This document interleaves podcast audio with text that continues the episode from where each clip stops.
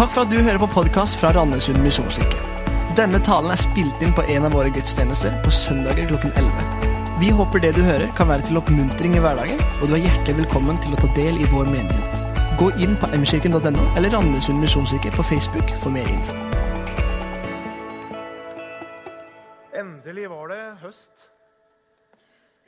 Og endelig er vi ordentlig i gang i kirken. Det er veldig, veldig bra. Men for en fantastisk sommer vi har hatt. I hvert fall med tanke på rekreasjon og ferie. Så har det vært helt utrolig. Og så har jeg kjent også at jeg har hatt litt vondt av bønder og de som er ramma av tørke, skogbrann og ja, fòrmangel og alt det her. Og så er jeg litt sånn på begynnelsen av høsten og så har jeg lurt litt på kanskje kommer vi til å betale veldig dyrt for det der fine været når strømregningene kommer. Det kan hende. Men det har i hvert fall vært en fantastisk fin sommer værmessig. Eh, det beste minnet, sommerminnet for meg denne sommeren her, det var at jeg og Jannike, kona mi, vi var på tur på Hardangervidda med sovepose og telt og ryggsekk, og så gikk vi. Det i et fantastisk vær. Og det å kunne gå i 1400 meters høyde bare i kortbukse og bar overkropp, det er sjeldent på fjellet. Nå skal dere slippe å se bilde av meg i bar overkropp. Men jeg har lyst til å vise utsikten eh, som vi hadde der oppe. Eh, og det er fantastisk å få lov til å stå der og se utover halve Hardangervidda og Hardangerjøkulen i det fjerne. Fantastisk utsikt. Og kanskje er det sikkert mange av dere også som i løpet av sommeren på et eller annet sted har bevega deg opp på et fjell eller opp på en høyde, enten om det er i Kristiansand her, eller om det er der du har vært på ferie. For det er noe utrolig fascinerende med det der å gå opp på et fjell. Det kan være et slit noen ganger, i hvert fall hvis det er høyt og bratt. Men når du kommer over kneika der, og så bare åpner landskapet seg, og så ser du et, noe helt nytt. Du ser landskapet på en helt ny måte. Du ser noe om hvor du har vært, hvor du kom fra, hvor du gikk. Og så ser du noe hvor du skal, kanskje, og det som ligger foran deg. Når vi kommer opp på et fjell, så får vi helt annet perspektiv enn det vi har nede i dalen eller i motbakken. Og Har du gått deg vill og du ikke liksom helt vet hvor du er, så det der å komme seg opp på et fjell og så ser du plutselig ja, men her er du her, der er det vannet, og der er den veien, og der er det sånn er det ser ut. Så og så finner man mye lettere både hvor man er, og hvor man skal. Vi skal i de neste tre eller neste søndagene, neste syv søndagene faktisk, følge Jesus opp på et fjell, opp på et verg, hvor han setter seg ned og underviser. Og De fleste har sikkert hørt begrepet bergpreken mange ganger. Eh, som kanskje, og Vi tror kanskje at det er den mest kjente av alle Jesus sine taler som vi har i Bibelen. Og så tror jeg ikke det er tilfeldig at Jesus når han skal ha denne talen, nettopp går opp på et fjell. Fordi at Når vi leser Bibelen og Det gamle testamentet, så ser vi at det skjedde utrolig mye spennende nettopp på fjell og på fjellet. For det var på fjellet, på Sinai-fjellet, at Gud møter Moses og taler til ham som en mann taler til en mann, ansikt til ansikt. Og så får han loven og de ti bud, og så tar han det med seg ned. Det var opp til fjellet at det gamle gudsfolk, israelittene, løfta sitt blikk når de var engstelige og redde. Jeg løfter mine øyne til fjellene. Hvor skal min hjelp komme fra? Det var på fjellet, på høyden hvor Jerusalem lå, og hvor tempelet lå, og hvor Gud tronte, hvor Gud bodde. På Sion sitt fjell, det hellige fjell. Og når Jesus litt seinere skal vise disiplene virkelig sin herlighet og sin ære og sin makt, så tar han de opp på et fjell, på Forklarelsens berg, og så åpenbarer han hvem han er. Det skjer utrolig mye spennende oppe på et sånt fjell. Og Vi starter altså opp denne høsten her i kirken med å bli med Jesus opp på en fjelltur. Er dere klar for det? Ja, det er veldig bra. Han går opp på dette fjellet i Galilea, i området nær der han har vokst opp. Og så har vi lest i kapittelet før, i kapittel 4, så leser vi hvordan Jesus begynner å forkynne at himmelriket er kommet nær. Han begynner å undervise. Han begynner å vise himmelrikets tegn, helbrede syke. Han begynner å kalle disipler. Og Så tar han med seg noen av disiplene noen av de som var nær. Så tar han de med seg opp på dette fjellet og så setter han seg ned, som en jødisk rabbi gjorde. Og så står det han tok til orde, og så lærte han dem. Og Når det står det, så betyr det at nå er det virkelig det viktige kommer. Virkelig det som ligger på mesterens hjerte, det han vil dele fra dypet av sitt indre. Det er det som kommer her. Og så er bergprekenen denne talen hvor Jesus liksom viser i fylde hvordan dette nye Guds rike er, og hva det vil si å være en Jesu disippel. Og det er det vi skal se på de neste syv søndagene. Denne talen som Jesus holder her, hevdes å være verdenshistoriens mest kjente tale. Den siteres ofte i ulike skrifter og ulike steder. Og mange av begrepene eller ordbildene på en måte har gått inn i det norske språket eh, og i norske kulturen. sånn at jeg tenker Det er ganske mange som bruker disse begrepene og uttrykk fra bergprekenen, kanskje uten å vite det. Når vi sier 'ulv i fåreklær', ja, så er det Jesus som bruker det her. Eller 'perler for svin'. Eller 'å vende det andre kinnet til'. Eller å, eh, at hver dag skal bekymre seg for seg selv. Ja, så er det Jesus som underviser nettopp om dette i bergprekenen. Bergpreken har fascinert og den har begeistra også mennesker som, som, har stått ganske langt utenfor si, tradisjonell kristen tro. Og En av de aller mest kjente det er Gandhi. Og Han sier det sånn i sin selvbiografi. Etter min erfaring så er bergpreken av Jesus det største som noen gang er skrevet ned. sier han. Og Så sier han også et annet sted om jeg bare hadde bergpreken og min egen tolkning å forholde meg til, så ville jeg ikke nølt med å si jeg er kristen. Men som John Stott, den engelske teologen, sier ganske sånn tørt, som engelskmenn gjerne gjør, og han sier følgende Bergprekene er antageligvis den mest kjente delen av Jesu lære. Samtidig kan det likevel hevdes at bergprekene er den delen som er dårligst forstått, og i hvert fall den delen som er minst adlydt. Og Det kan godt hende at John Stott har et poeng. Og så er det ikke tilfeldig at vi har lyst til å starte opp denne høsten med et fokus på Jesus og et fokus på Jesu undervisning. For det er Jesus vi er samla om når vi samler oss som menighet. Og det er hans kirke. Han bygger sin kirke. Og Det er det Jesus sa og det Jesus gjorde, som er på en måte konstituerende for hva vi som menighet skal være, og hva vi skal gjøre. Så vi liksom går opp på denne høyden for å få dette perspektivet og for, for å se tydeligere også hva er det som ligger foran oss denne høsten. her. Hva skal vi gjøre? Hva skal vi være? Og så tenker jeg, Sånn er det også ikke bare for en menighet, men for hvert eneste menneske. Denne teksten her, den sier noe om hva skal vi gjøre når vi møter skam. Hvor skal vi gå med vår bekymring?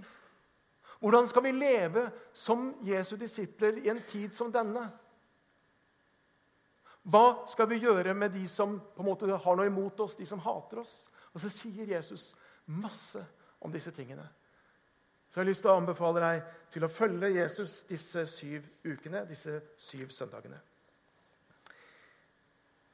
Og så må vi si også en annen ting, for som jeg har sagt, Bergpreken er kjent og elsket. Og samtidig, hvis du har lest Bergpreken, så har du også, i hvert fall hvis du liksom har fulgt med på det du leser det er jo ikke alltid vi gjør det, men hvis du har fulgt med på det du leser, så er jeg sikker på at du har blitt både utfordra og kanskje også provosert. For det er noen ting her som er veldig tøft og veldig hardt. Og Jeg lurer noen ganger på hvor ble det av milde Jesus, du som sagde? For det er masse her som ikke liksom er helt sånn milde Jesus-stoff. F.eks. når Jesus sier, 'Dere skal være fullkomne, slik min himmelske Far er fullkommen'. Matteus 5, 48. Eller kanskje enda verre Den som sier 'din ugudelige narr', skal være skyldig til helvetes ild. Ops. Ja, det er lett at man sier noe sånt. Eller som det står om ditt høyre øye lokker deg til fall, så riv det ut og kast det fra deg. For det er bedre for deg å miste en kroppsdel enn at hele kroppen blir kastet til helvete. Jeg tenker Det er bokstavelig talt en finger i øyet på så mye ved vår kultur. Ikke sant? Så hvordan, gjør vi, hvordan skal vi forholde oss til bergpreken? Og Noen vil si at bergpreken ja, det er på en måte et ideal. Det er en utopi. Det er på en måte at Jesus hever den der, eh, stanga så høyt liksom at det bare, vi skal skjønne at det er umulig. Det er aldri ment at det skulle praktiseres, er det noen som sier. Og så tror jeg ikke helt det stemmer med det Jesus forsøker å si oss. For om vi går helt til slutten av disse tre kapitlene, slutten av Matteus 7, så står det noe der om hva på en måte som er Jesu hensikt med disse versene. Og så skal vi lese det før vi går inn og leser teksten. som vi skal konsentrere oss om. Men det står der Hver den som hører disse mine ord og gjør det de sier, ligner en klok mann som bygde huset sitt på fjell. Regnet styrtet, elvene flommet, og vinden blåste og slo mot huset. Men det falt ikke, fordi det var bygd på fjell. Og hver den som hører disse mine ord og ikke gjør det de sier, ligner en uforstandig mann som bygde huset sitt på sand. Regnet styrtet, elvene flommet, og vinden blåste og slo mot huset. Da falt det, og fallet var stort. Jesus snakker her om å høre disse mine ord og gjøre det og praktisere det. Da, sier han, da bygger vi livet vårt på fjell. Da kan livet vårt stå sikkert og støtt. Og så er det interessant å se at stormen den kommer. Livsstormen den kom uansett hvordan man bygde det livet. Og jeg tenker, Sånn er det. Om man er en Jesus-troende eller ikke, om man har bygd livet sitt på Jesus eller ikke, ja, så vil livets stormer det vil møte oss. På ulik måte, men vi vil møte det. Og vi møter bølger av bekymring, og vi møter vind av, av sykdom, eller hva det nå er. Vi må møte de tingene i vårt liv. Og Så sier Jesus forskjellen er at våre liv de kan stå og Forskjellen er hva vi har bygd på. Om vi har bygd på fjellgrunn, som er sikkert og som holder, eller om vi har bygd på sand som forvitrer, og så forsvinner det under føttene våre. Forskjellen er hva vi har bygd på. Å høre ordet og gjøre det de sier. Jeg tror Jesus ville utfordre oss til å leve bergpreken. Og så kan det absolutt være utfordrende. I forbindelse med forberedelse til denne serien så har jeg lest en bok av en eh, svensk prest og forfatter som heter Bengt Pleil. Eh, som jeg har blitt veldig glad i. og Han sier følgende om bergpreken. Han sier Jesu ord smeller som en sprengladning i kirker og katedraler. Jesus var så annerledes, og han kaller oss i denne prekenen til å være annerledes. Jesu bergpreken er vanskelig å umoderne og umulig. Hvis dette er din oppfatning, så vil jeg si meg enig med deg. Den er umulig hvis du ikke finner nøkkelen. Og Det er det vi skal leite etter i dag. Finnes det en nøkkel som åpner denne talen, denne utfordrende, radikale talen for oss? Og Vi skal lese de ti første vers av eh, bergpreken sammen. Matteus 5, 1 til 10. Da Jesus så folkemengden, gikk han opp i fjellet. Der satte han seg, og disiplene samlet seg om han. Han tok til orde og lærte dem. Salige er de fattige i seg selv, de fattige i ånden, for himmelriket er deres.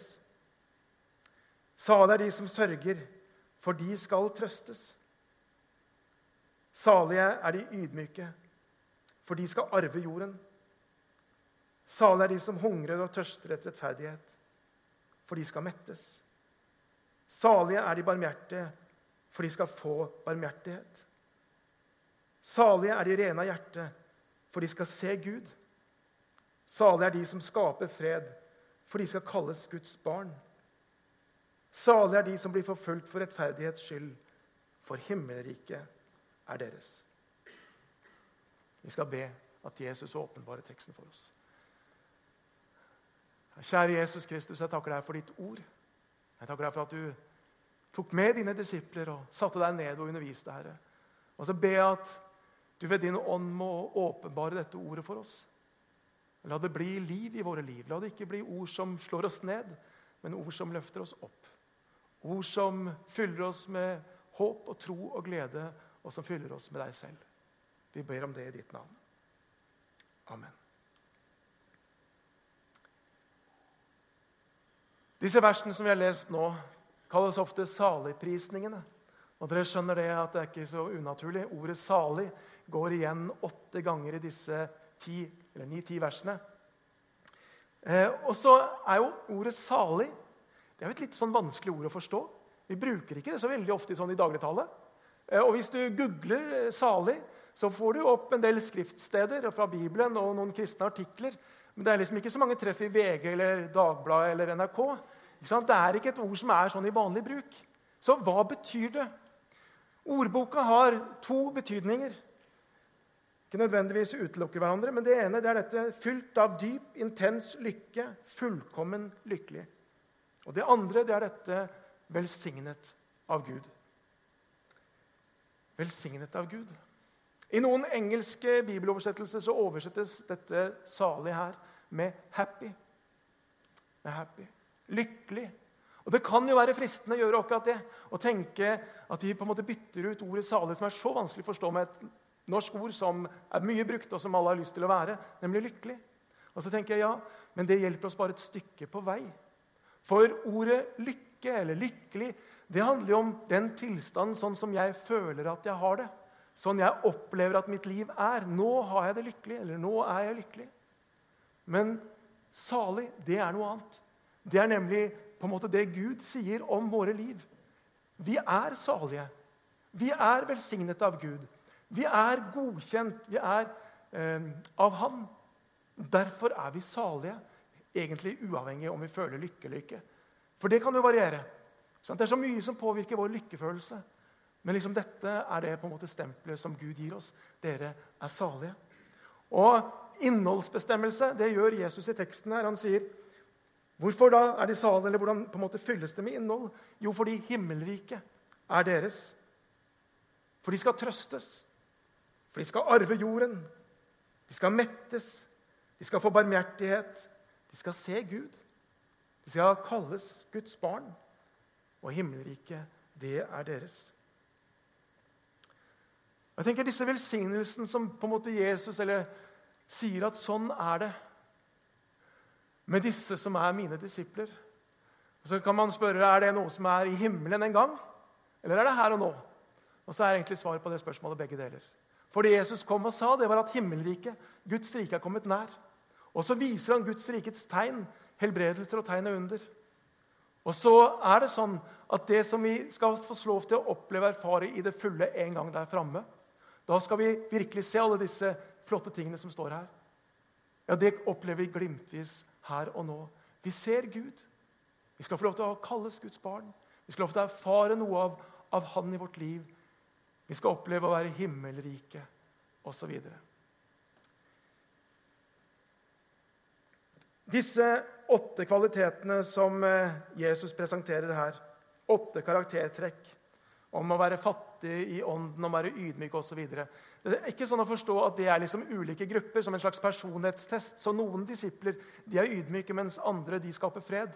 Noen er barmhjertige, mens andre de blir forfulgt. Nei, vi må forstå det sånn at dette er faktisk kvalitetstrekk som på en måte handler om den samme disippel. Som samtidig er både ydmyk og barmhjertig. Som er både fattig i ånden og ren av hjerte.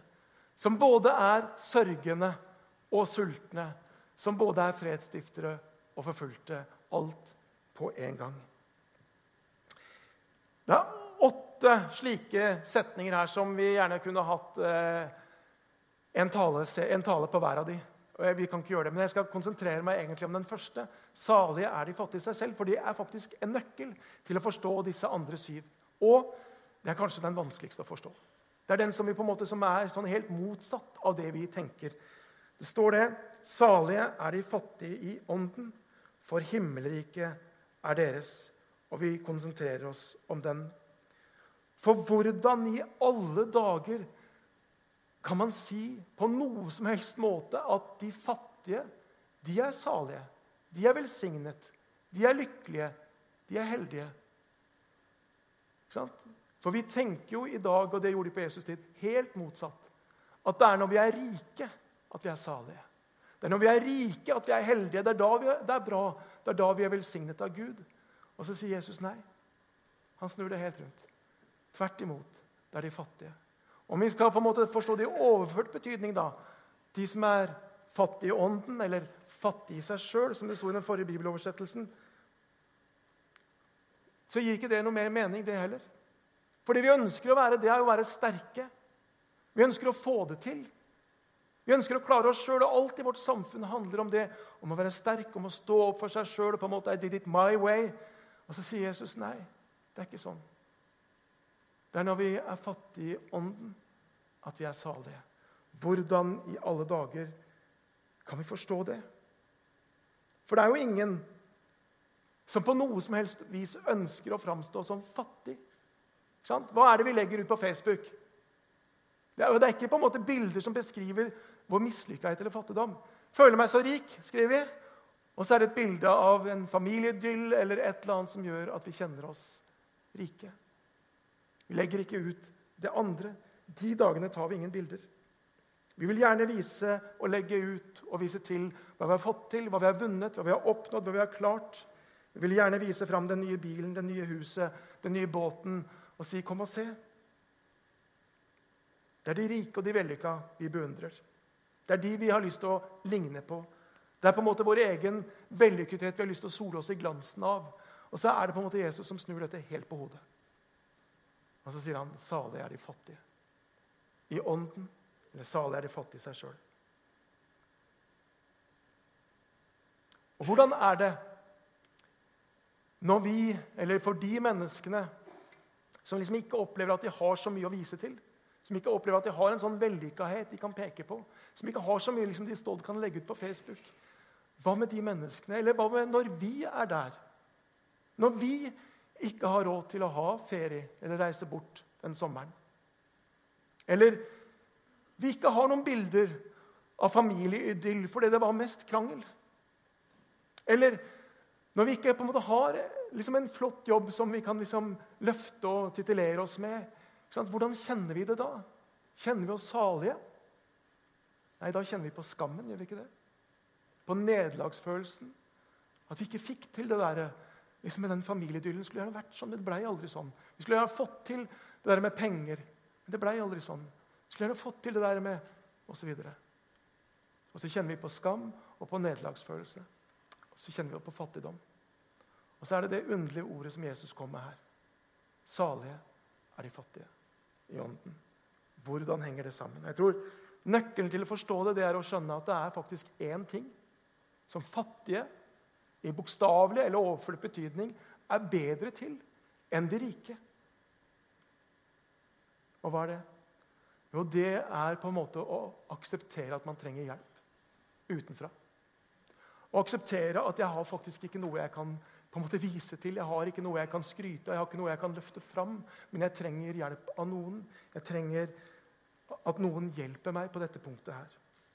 I sommer så sto det en overskrift i, i, avisen Vårt Land, i hvert fall i nettavisen, hvor det sto 'Rike ber mindre'. En stor internasjonal undersøkelse hadde undersøkt troende i mange land. Og så fant de ut at i de landene hvor de var aller fattigst, hvor de hadde mest nød, hva da? Jo, der ba de mye mer enn i de landene hvor de var rike, hvor de på en måte hadde alt. Så så vi fra Indonesia her, fra Ørjan, hva de sier. Jo, Midt i denne fattigdommen så opplever de at disse indonesiske kristne de ber og de ber og de ber. De fattige er bedre på dette og spør om hjelp utenfra. Monica Hellevig, en katolsk teologiprofessor, sier at de fattige er bedre til noe enn de rike. Og så har hun en hel masse punkter, og så skal jeg bare ta fire her. Men hun sier de fattige de vet at de har desperat behov for redning, og derfor så kan de reddes. De fattige de kan skille mellom hva som er nødvendig, og hva som er luksus. De fattige de hører evangeliet når det forkynnes for dem som gode nyheter og ikke som en trussel eller refs. For når vi rike, eller når man kjenner seg rik, hører evangeliet, så hører jo vi alt vi må gi opp, alt vi på en måte taper, alt vi mister.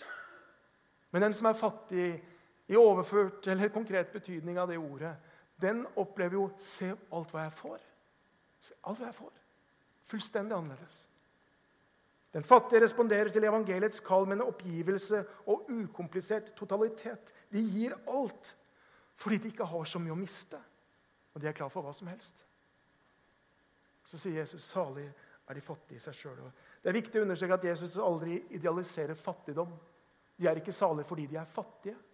De er ikke salige fordi de har tomme hender. Men de er salige fordi Gud fyller de tomme hendene. Derfor er de salige. Fordi himmelriket, det får de i de tomme hendene. Og derfor er de salige.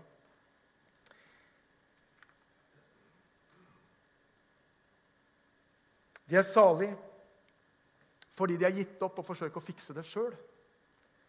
Men de har tatt imot det som Gud vil gi dem.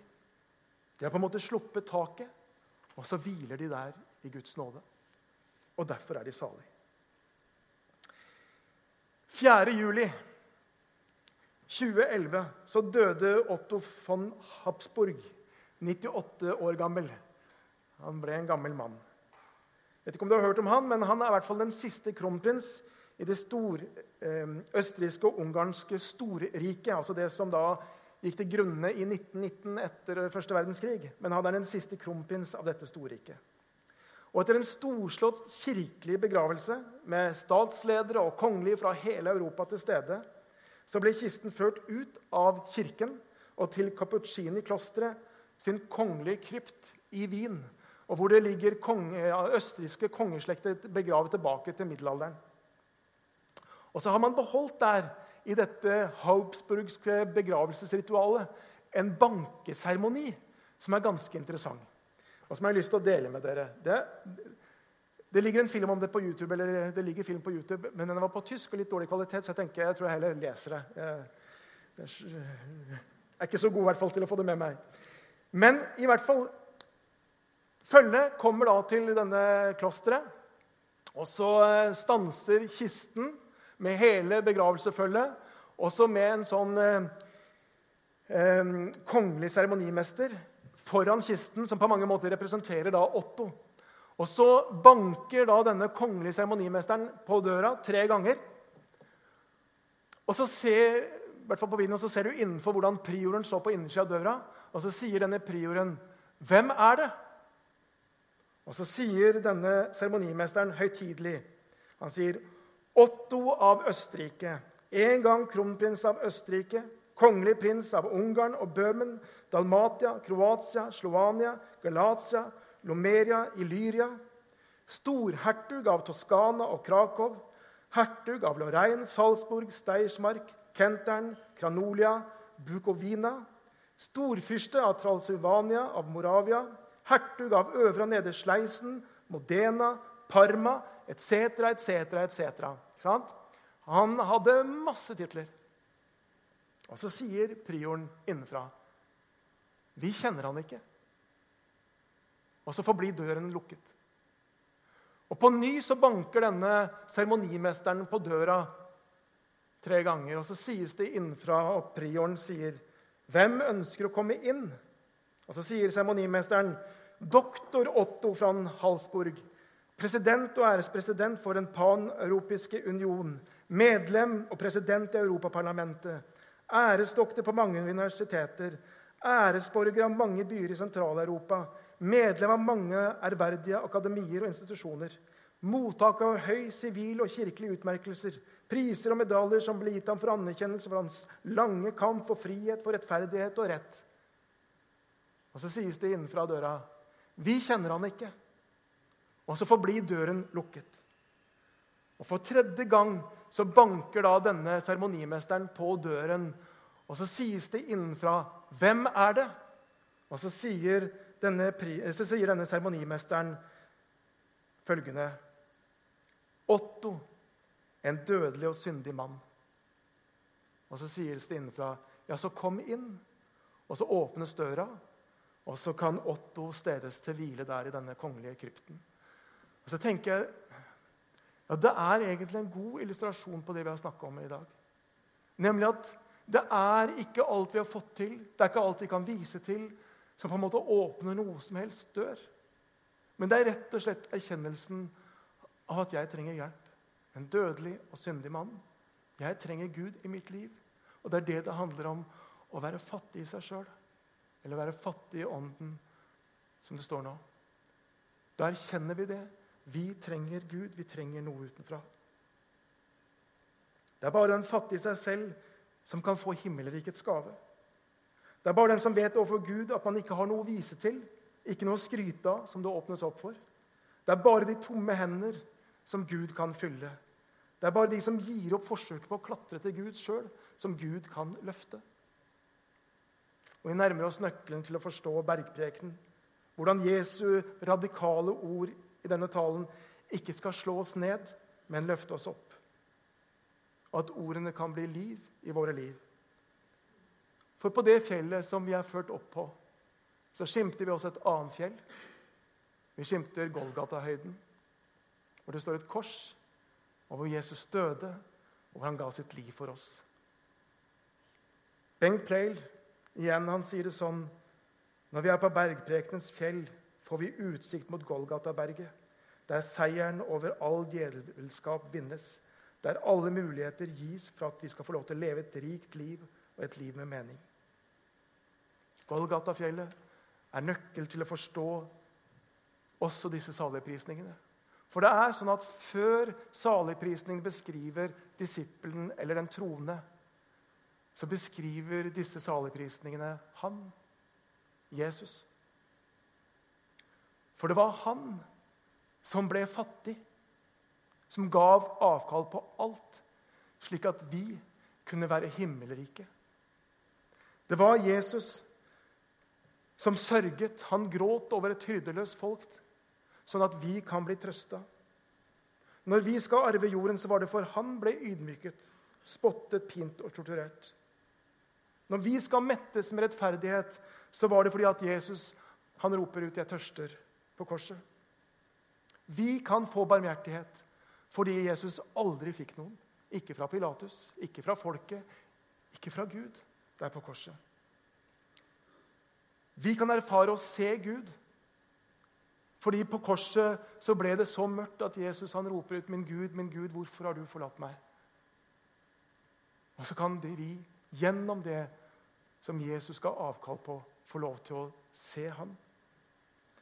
Vi kan ha fred fordi hele verden vendte seg mot Jesus i terror og krig. Og Paulus han på en måte oppsummerer dette slik i sitt andre korinterbrev. Dere kjenner vår Herre Jesu Kristi nåde. Enda han var rik, ble han fattig for deres skyld, så dere skulle bli rike ved hans fattigdom. Og Det er noe som skjer nemlig når vi oppdager det, at Jesus han ble den fattige i mitt sted. Det er noe som skjer når vi skjønner at det er på en måte det Jesus har gjort, som jeg trenger mer enn noe. Da skjer det noe med mitt gudsforhold. For da blir ikke Gud på en måte denne pekefingerstrenge fyren som på en måte vil styre, kontrollere mitt liv og gjøre, vil at jeg skal gjøre de tingene jeg egentlig ikke vil. Men da skjønner vi at det eneste jeg kan, det er få lov til å motta Hans nåde. Og Når vi oppdager at vi er den fattige i ånden, så skjer det noe med vårt forhold til alle mennesker rundt oss. Da ser vi annerledes på de fattige. For da skjønner vi at jeg har ingenting å rose meg av. Og med andre kort utdelt i mitt liv, så var det jeg som var den fattige som satt der og tigde, kanskje. Om vi ser noen som faller, som synder, som gjør noe fryktelig, ja, så ser vi ikke ned på de. Fordi vi vet at vi er fattige i ånden. Vi er fattige oss sjøl. Og det der, det kunne ha vært meg. Noen andre forutsetninger. Men jeg har mine tilbøyeligheter. Jeg har mine på en måte mørke sider. Det kunne ha vært meg. Og så får vi nåde for menneskene omkring oss på en helt annen måte. Når vi ser at vi er de fattige ånden. Og Det perspektivet må vi ha med oss når vi leser bergpreken.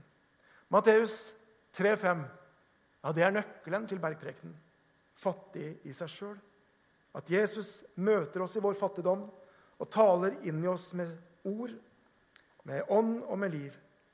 Mister vi denne nøkkelen, eller glemmer den, så blir Jesu ord i bergprekene veldig vanskelig. De blender oss, de slår oss ned, de treffer oss som piskeslag.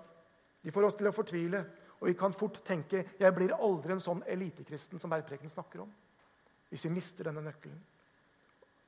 Siste sitatet fra Bengt Pleil. Han sier men hemmeligheten med å være disippel hos Jesus er stadig på nytt å vende tilbake til ham og lære seg å bruke nøkkelen i Matteus 5,3.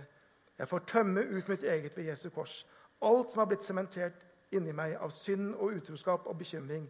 Jeg får ta imot himmelrikets ressurser fra ham. For Gud vil fylle våre tomme hender. Han vil gjøre de åndelig fattige til de himmelrike. Og Det kan jo hende at du i dag har kjent deg igjen, at du på en måte vet at ja, jeg er en sånn med tomme hender. Jeg har ikke fått det til, verken på den ene eller andre måten. Jeg står her med tomme hender. Og Kanskje har du kjent på skammen, og at skammen har gjort at du har på en måte skjult dine tomme hender. For mennesker ja, alt er fint, men kanskje også for Gud. Og tenke at jeg vil ikke ha Gud i mitt liv akkurat nå. Jeg skammer meg sånn. Så er dette en tekst til deg om å la skammen fare og strekke ut de tomme hendene til Gud. Og ta imot det han vil gi.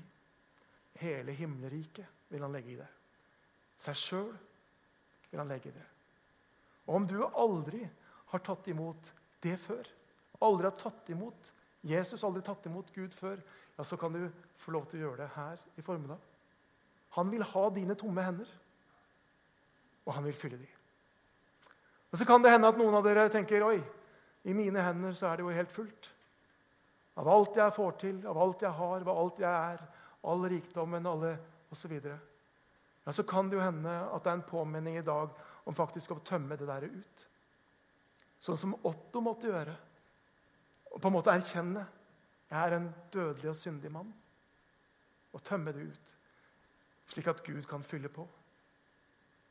For det er da vi er salige. Det er vanskelig å skulle ha Gud som en sånn der ferniss eller glasur på toppen av et fullt liv. Det funker dårlig. Men hvis vi lar Gud få lov til å fylle våre tomme hender, ja, så blir det et fantastisk liv. Da blir bergpreken også forståelig. Det kan du få lov til å gjøre i dag. Jesus sier, 'Salig er de fattige i ånden, for himmelriket er deres'. Vi skal be. Og så tror jeg vi, hvis, du, hvis det er greit, at du reiser deg opp, og så er du med meg i denne bønnen her.